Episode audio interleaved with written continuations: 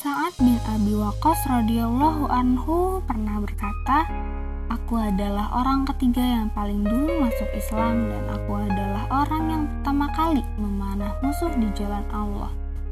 Begitulah Sa'ad bin Abi Waqqas memperkenalkan dirinya. Sa'ad bin Abi Waqqas adalah seorang sahabat Rasulullah yang dijamin masuk surga. Beliau memeluk Islam di usianya yang 17 tahun. Suatu ketika, Sa'ad bin Abi Waqqas didatangi oleh Abu Bakar As-Siddiq. Bersama Abu Bakar, Sa'ad diajak untuk menemui Nabi Muhammad SAW di sebuah perbukitan dekat Makkah. Pada hari itu, Sa'ad merasa bahwa pertemuan tersebut berkesan. Maka sejak saat itu, Sa'ad menjadi salah satu sahabat yang masuk Islam. Silsilah Sa'ad secara tidak langsung bersambung dengan Rasulullah Shallallahu Alaihi Wasallam. Ibu Nabi Muhammad Shallallahu Alaihi Wasallam, yaitu Aminah binti Wahab, berasal dari suku yang sama dengan Sa'ad, yaitu Bani Zuhroh. Karena itu, Sa'ad juga sering disebut sebagai Sa'ad Zuhroh atau Sa'ad dari Zuhroh. Ada banyak keutamaan yang dimiliki Sa'ad.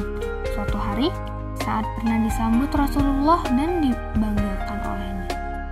Rasulullah Shallallahu Alaihi Wasallam bersabda, "Ini dia pamanku. Siapa orang yang punya paman seperti pamanku ini?" Selain itu, Sa'ad bin Abi Waqqas adalah orang yang pertama kali melemparkan anak panah dalam berjuang di jalan Allah. Dikisahkan, Suatu ketika, kaum muslimin Makkah sedang mengerjakan sholat di lorong-lorong jalan yang ada di Makkah secara sembunyi-sembunyi. Namun, sebagian kaum musyrikin melihat mereka. Lalu kaum musyrikin pun menyerang kaum muslimin. Dan saat bin Abi Waqqas pun bangun dan langsung menyerang mereka. Dia memanah salah seorang dari mereka hingga darah mengalir dari tubuh orang tersebut. Inilah darah pertama yang ditumpahkan oleh umat Islam. Saat dikenal dengan panah dan doanya. Jika ia memanah, pasti tepat sasaran. Jika ia berdoa, maka Allah Subhanahu wa taala akan mengabulkannya. Suatu hari, Rasulullah Shallallahu alaihi wasallam menyaksikan sesuatu dari saat yang menyenangkan hati beliau. Oleh sebab itu, Rasulullah Shallallahu Alaihi Wasallam bermunajat, Ya Allah, tepatkanlah bidikan panahnya dan kabulkanlah doanya. Seperti itulah saat menjadi masyhur karena doanya disebut makbul. Pernah suatu ketika fitnah terjadi pada zaman kekhalifahan Ali bin Abi Thalib. Saat mendengar seorang laki-laki memaki Ali, Tolha, dan Zubair. Orang tersebut bahkan terus menolak untuk berhenti mencaci maki. Melihat hal itu, sangat berkata, "Kalau begitu, akan saya doakan kamu kepada Allah."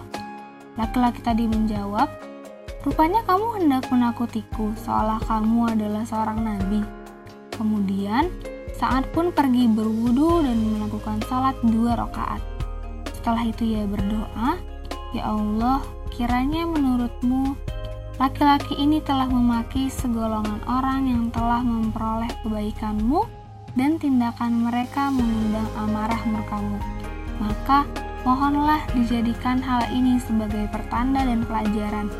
Dan tak lama kemudian, tiba-tiba muncul seekor unta liar dari salah satu perkarangan rumah dan menabrak laki-laki tadi hingga meninggal.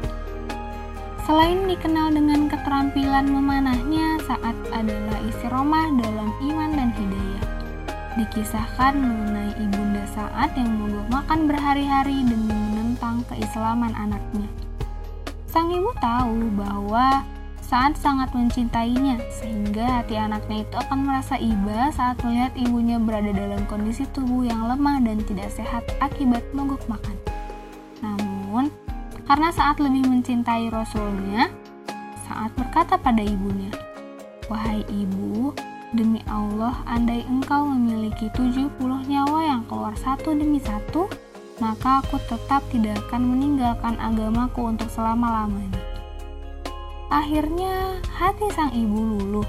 Kemudian Allah Subhanahu wa taala menjadikan Sa'ad sebagai orang yang menyebabkan turunnya salah satu ayat Al-Quran, yaitu Al-Quran Surat Al-Luqman ayat 15, yang artinya, Dan jika keduanya memaksamu untuk mempersekutukan dengan aku, sesuatu yang tidak ada pengetahuanmu tentang itu, maka janganlah kamu mengikuti keduanya, dan pergaulilah keduanya di dunia dengan baik, dan ikutilah jalan orang yang kembali kepadaku.